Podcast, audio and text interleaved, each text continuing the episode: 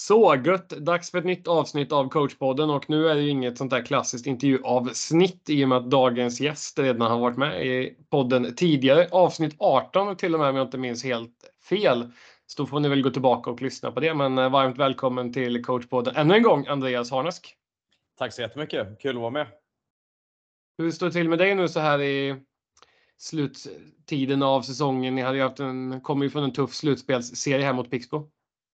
Ja, men det är väl, det är väl klassiskt. Men jag är ofta ganska trött och tömd efter slutspelsserie. Luften går ur lite grann och, um, och alltid när man åker ur så är det väl en viss besvikelse samtidigt som jag tror att vi, eh, vi presterade nog hyfsat max av vad vi klarar av. Jag tänker ju, att vi har ju två uppdrag här i det lilla specialavsnittet. Det ena är att vi ska ju prata upp den eh, kommande SM-finalen på damsidan lite mellan då Pixbo och Thorengruppen och eh, ingen har väl bättre koll än du som har fått möta båda de här lagen under säsong och så. Men också då, eh, vi stötte på varandra på innebandyfesten i Uppsala så det är klart att vi måste ju då eh, ta ner den lite och eh, ta, ta del av dina intryck från innebandyfesten 2023. Var det någonting som stack ut lite extra för dig Andres? Det, det, är först, det är ju det är alltid lika kul att se passionen och glädjen. Det betyder så otroligt mycket för folk och och man ser publiken är helt galna och det finns klacker och det är, liksom, det är väldigt mycket energi så att det, eh, det är roligt att kolla på tycker jag. Vad tycker du? Jag tycker det är jättekul och framförallt när det är på IFU Arena man kan liksom få alternativet att eh, gå mellan matcherna för då behöver man inte göra det här valet. Ska jag åka ut till den hallen eller den här och liksom lägga alla lägga all tid på en match. Utan här kan man ju glida lite emellan och eh, verkligen få ut max av eh, av innebandyfest. Och som du säger, klackarna också. De gör ju jättemycket med att det är lite drag och folk hejar på liksom. Så att, lite mer aktiv publik än i en vanlig serielum kanske. Ja, men verkligen. Jag håller med dig. Det IFU är ju perfekt plats med vad är det, fem hallar inom gångavstånd från varandra, så det är jättebra. Jag kan bara bjuda på en liten anekdot. Det var ju så kul när vi hade innebandy-VM där, liksom, om man ska ta emot alla landslag och visa liksom, att ni bor på arenahotellet och ni ska spela här. Och de bara stod och tittade liksom, och Sen konstaterar jag också att det fanns fler sarger på IFU Arena eftersom det finns lite extra sarg också än vad det fanns i hela Polen. Så att, IFU är en otrolig plats eh, för innebandyn. Men om vi tänker spelmässigt då, vad, har, har du några intryck med dig från eh, någonting som stack ut med något lag taktiskt eller några matcher som var lite extra intensiva eller någonting? Ja, nej, men det, det, finns ju mycket, mycket olika spelsystem och det är roligt. Det är allt ifrån Lund som kanske spelar lite mer likt eh, rigaktet med mycket mer man-man eller, eller spelare-spelare ska jag väl säga. Eh, och ganska mycket släpp och gå-spel och sen finns det kanske Falun och andra som var starka i mer zonaktiga försvarsspel. Eh, och sen fanns det lite hybridaktiga. Landvetter körde väl lite mer mix av zon och man-man. Jag har bara sett dem några matcher så att jag inte ingen expert på deras spel, men det kändes som att det mixades lite. Och sen kanske Storvreta som körde sitt lite mer lägre försvarsspel och eh, lite mer tydlig styrning i det. Så lite gott och blandat i olika spelsystem och det är, det är spännande att se. Jag var imponerad med laget som du nämnde sist. Storvreta var just den här som man kallar cynismen som finns i att liksom få ett lag att liksom verkligen gå in för sin gameplan. Jag tycker de höll upp det jäkligt bra över hela turneringen. Ja men verkligen, de, de har gjort ett bra jobb där med Martin Andersson och Noel Alm Johansson och gänget. Uh, och då tänkte vi på damerna va? Vi sa ju det. Precis, precis. Ja. ja men verkligen, de, eh, de gjorde det väldigt bra. Spelade väldigt effektiv innebandy och ganska rak innebandy. Det är ju intressant just det här med liksom följa sin plan där. För tittar man, jag tycker också Pixbo stack ut med liksom, kändes också som att de gick in med hyfsat samma liksom spel idé som grund liksom i de flesta matcher. Så att jag tycker det är imponerande liksom att man på, lyckas utbilda lagen så pass bra som man ändå gör någonstans. Just Pixbo verkar göra någonting rätt i hela föreningen. Både vad har de? Herrjuniorerna och damjuniorerna gör ju bra ifrån sig på västen. De herrjuniorerna saknar några och damjuniorerna har ju ett par riktigt bra spelare med väldigt bra struktur överlag. Samtidigt som dam och herrlaget är väldigt bra också nu så ja, spännande med Pixbo. Ja, rolig trend och det för väl oss över lite då på dam-SSL då och det kom, den kommande SM-finalen där Pixbo är ett av lagen. Det kommer ju vara Thorengruppen på andra sidan. Vad, och om vi skulle försöka bryta ner varje lag, vad, om vi börjar med Pixbo då, vad är Pixbos styrkor i det spel?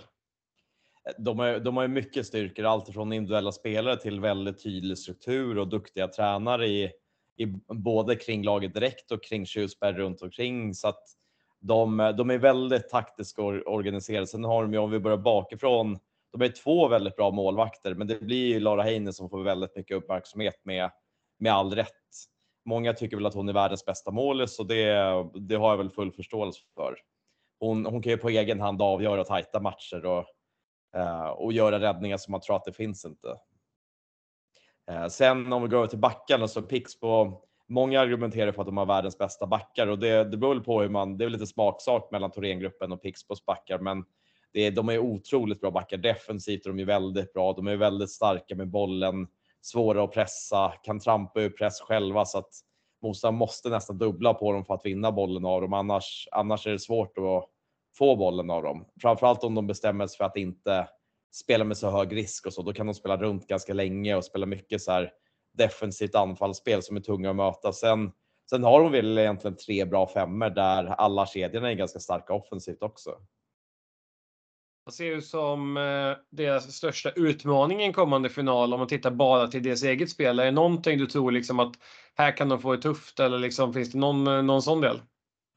Ja, men det, det beror på hur de gör. De, eh, de kan ju spela väldigt framåtlutat, eh, vilket de kan ta bort också. De, ehm, de kan ju liksom ta bort det och börja spela mer försiktigt och mindre risk. Men ibland under serien så skulle de ju kunna spela väldigt mycket, fylla på med fyra väldigt högt och gå för krossar och gå för instick och eh, de, de ser liksom möjligheter, vilket vilket gör att de skulle kunna, vad var det sista seriematch mot Karlstad? Jag vet inte om det var 14-6 eller något i den stilen, jag kommer inte ihåg. Men det kan bli stora siffror så att det går väl att straffa dem med omställningar om de bestämmer sig för att spela så. Det var ju intressant i finalen i fjol då på i Avicii, för det kändes ju som att Pixbo ville starta ganska mer defensivt och passivt. Men då gick ju gruppen upp och hängde några och sen när man då släppte på handbromsen då tyckte jag Pixbo var starkare i andra halvan än vad Thorén var. Men då kunde Thorén ändå spela på resultatet och säkra hem finalen. Men om vi tar då Thorengruppen, vad är deras styrka då?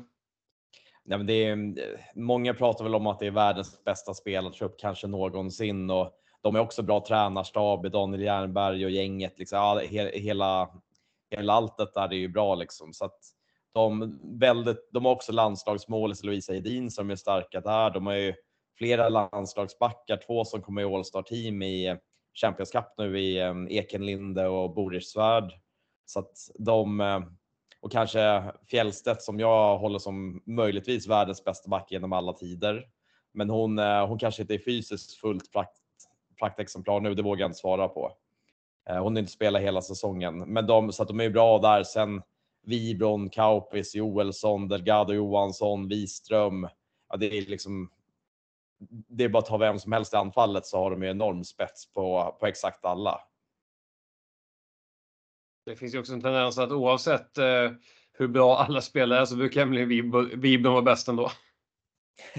ja, men hon, eh, hon har ju så mycket, alltså målsinne, defensiv, styrka, och hon, eh, och hon har ju någon förmåga också att folk kan spela hur hängigt och klängigt som helst på henne. Hon bara, hon bara kör vidare. Det är som att inget berör henne. Så hon, hon är otroligt stark. Väldigt viktig med sin ledarskapsförmåga för, för Thorengruppen också. Om man då tar de här lagen utifrån det du har beskrivit här och eh, ska försöka förutspå hur matchbilden kommer se ut här. Vad, vad, hur tror du att matchen kommer se ut då? Jag tror nog att båda lagen faktiskt kan gå lite för bollinnehav och vara lite försiktiga i omställningar. Lite, jag, jag tror att de, de skulle nog gärna ställa om mycket och Pix, Thorengruppen skulle nog gärna pressa högt. Men det är frågan hur mycket de vågar pressa högt och dubbla på, på Pixbo här. Det, ehm, det är lite risk också för att Pixbo är väldigt bra på att spela sig ur det och då kan de ju få numerära överlägen, få 4 mot 3, 3 mot 2. Så att jag tror att det, det, är väl en eh, balansgång hur modiga de vågar vara. Det kan nog riskera att båda blir lite försiktiga och spelar runt bollen och väntar ut de andra och tvingar dem att jobba lite grann för att inte bjuda på för mycket och då tror jag att det blir färre mål. Jag tänker också det kan vara ganska lurigt det här lag som vinner så jäkla mycket i grundserien och om man går lite för bra i slutspelet. Att det finns en ovana att man är inte van att det behöver coachas någonting på matcherna och sånt där. tror du det kan finnas någon sån aspekt liksom att man är så van att bara kunna rulla på? Ja, det, det, där är ju väldigt spännande. Det kan nog vara att det chockar. Väldigt bra lag kan ju bli chockade när de får kämpa helt plötsligt om de inte har fått kämpa. både med coachning men också med, med spelet. Så att absolut. Om eh, man får tänka så här utifrån coachperspektivet här så har ju Thorén en revansch eh, revansch att kräva eftersom man förlorade då Svenska cupen-finalen och eh, den SSL-matchen som var i anslutning samma vecka här. Är det en fördel att Pixbo kan gå in med att man självförtroende för att man har vunnit eller tror att det är fördel Thorén som kan bygga på det här? Nu jäklar ska vi ha revansch. Ja, bra fråga, Thorengruppen vann ju grundserien. Samtidigt vann Pixbo två möten i rad på en vecka där med Svenska cupen. Så att, ja, och jag vet inte, ibland kan det vara nyttigt att förlora för att man Alltså det kan ha varit det bästa som har hänt Thorengruppen också för att då kanske de känner att nu måste vi bli bättre, nu måste vi lära oss något. Lite innan så har det ju, det har ju gått väldigt, väldigt bra för dem. De har ju spelat, vunnit väldigt mycket stort och de, de har varit väldigt starka så det kanske var en lite så här komma ner på jorden och och så inför det här. Så att de har ju varit väldigt starka i slutspelet så kanske att det var nyttigt för Thorengruppen. Man ska väga in allt det här som är runt en SM-final med Avicii Arena och eh, den höjden som finns där inne och liksom atmosfär. Hur mycket påverkar sånt eh, tror du? Väldigt mycket och jag tror att även om de här spelarna, det är många som har varit med många gånger förut, men jag tror att man, det är en fördel att ha varit med förut, men jag tror att man blir som, jag, jag har hört landslagsspelare på här sidan som har kört liksom 10 SM-finaler kanske, jag vet inte, men väldigt mycket ehm, finaler och de, de blir jättenervösa varje gång så att jag tror att det kommer man nog inte ifrån, utan man lär sig nog bara hantera det. Sen tror jag att det är viktigt att förbereda sig för hur veckan ser ut så att det inte blir en chock, utan det är väldigt mycket stora saker som händer där och det, det påverkar människor. Så jag det är viktigt att börja prata om det tidigt. Hur skulle man kunna lägga upp en sån här vecka om du skulle bara beskriva lite i korta drag? Nu är ju finalen en lördag. Jag misstänker att de kommer dit på fredag, men om man börjar från måndag liksom, i lite grova drag, hur skulle du tänka? Jag, jag tror att eh, alla grupper har sin process och känner vad som funkar för dem. Men jag, jag, skulle nog, um, jag skulle nog välja att fokusera mycket på vårt spel och mycket på så här ser veckan ut strukturellt. Alltså hur förbereder vi oss? Varför gör vi det? Vad kommer hända när vi kommer till, eh, till hotellet? Hur bor vi? Vad, vad har vi för schema där? när dagen innan brukar man få känna på golvet. Hur vill vi göra då? Vill vi träna då eller vill vi leka då? Många brukar vilja ta selfies. Det, det kan vara allt möjligt. Det kommer vara en efterfest efter. Hur hanterar vi den? Hur förbereder man sig för det? När vi går upp och käkar frukost, när ska vi göra det? Ska vi käka dubbla frukoster? Det är tidig match för damerna. Vad blir bästa förberedelserna där?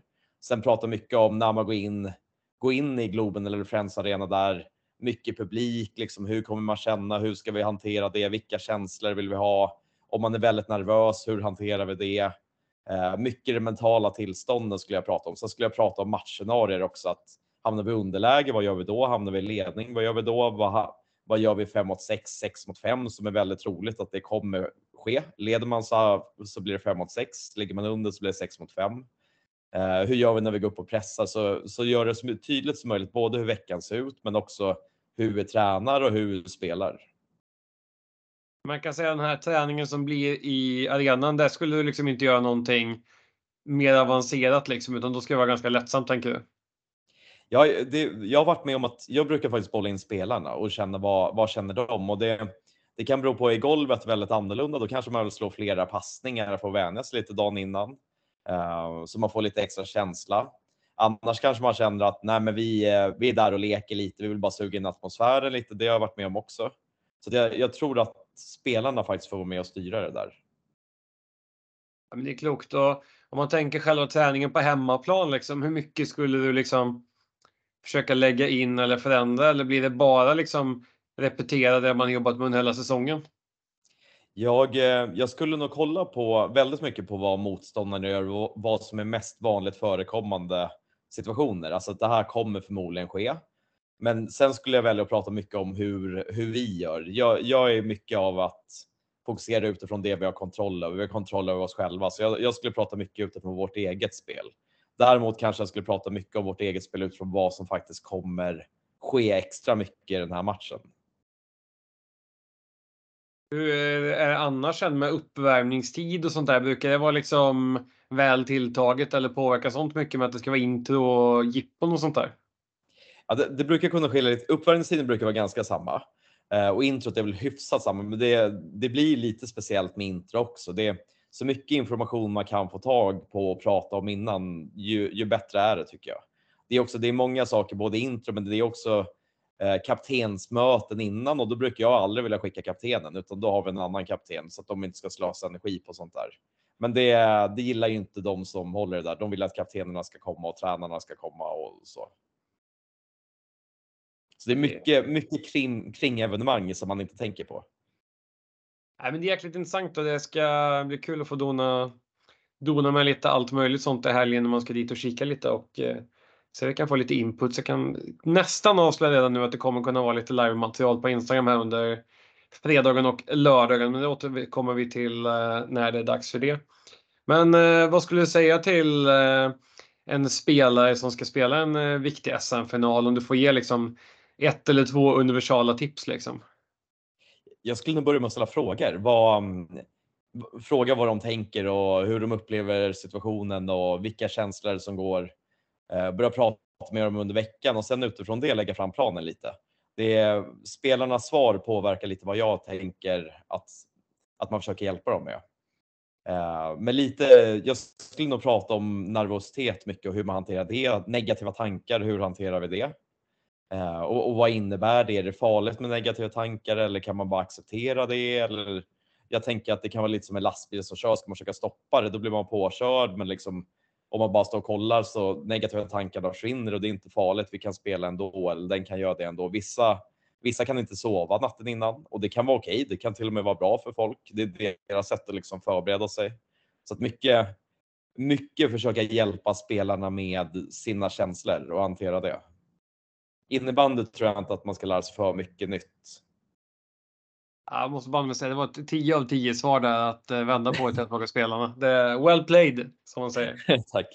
Uh, och eh, det var väl en härlig liten summering. Jag ska inte försöka pressa er på någon tips om själva matchen utan det lämnar vi liksom till till alla själva att bilda sig sin uppfattning och jag hoppas ju såklart att så många som möjligt tar sig tid att titta på den här fantastiska finalen som vi har framför oss på lördagen mellan Pixbo och eh, Thorengruppen. Och eh, stort tack Andreas för att du ännu en gång har tagit dig tid att medverka i podden. Tack själv, det var bara kul.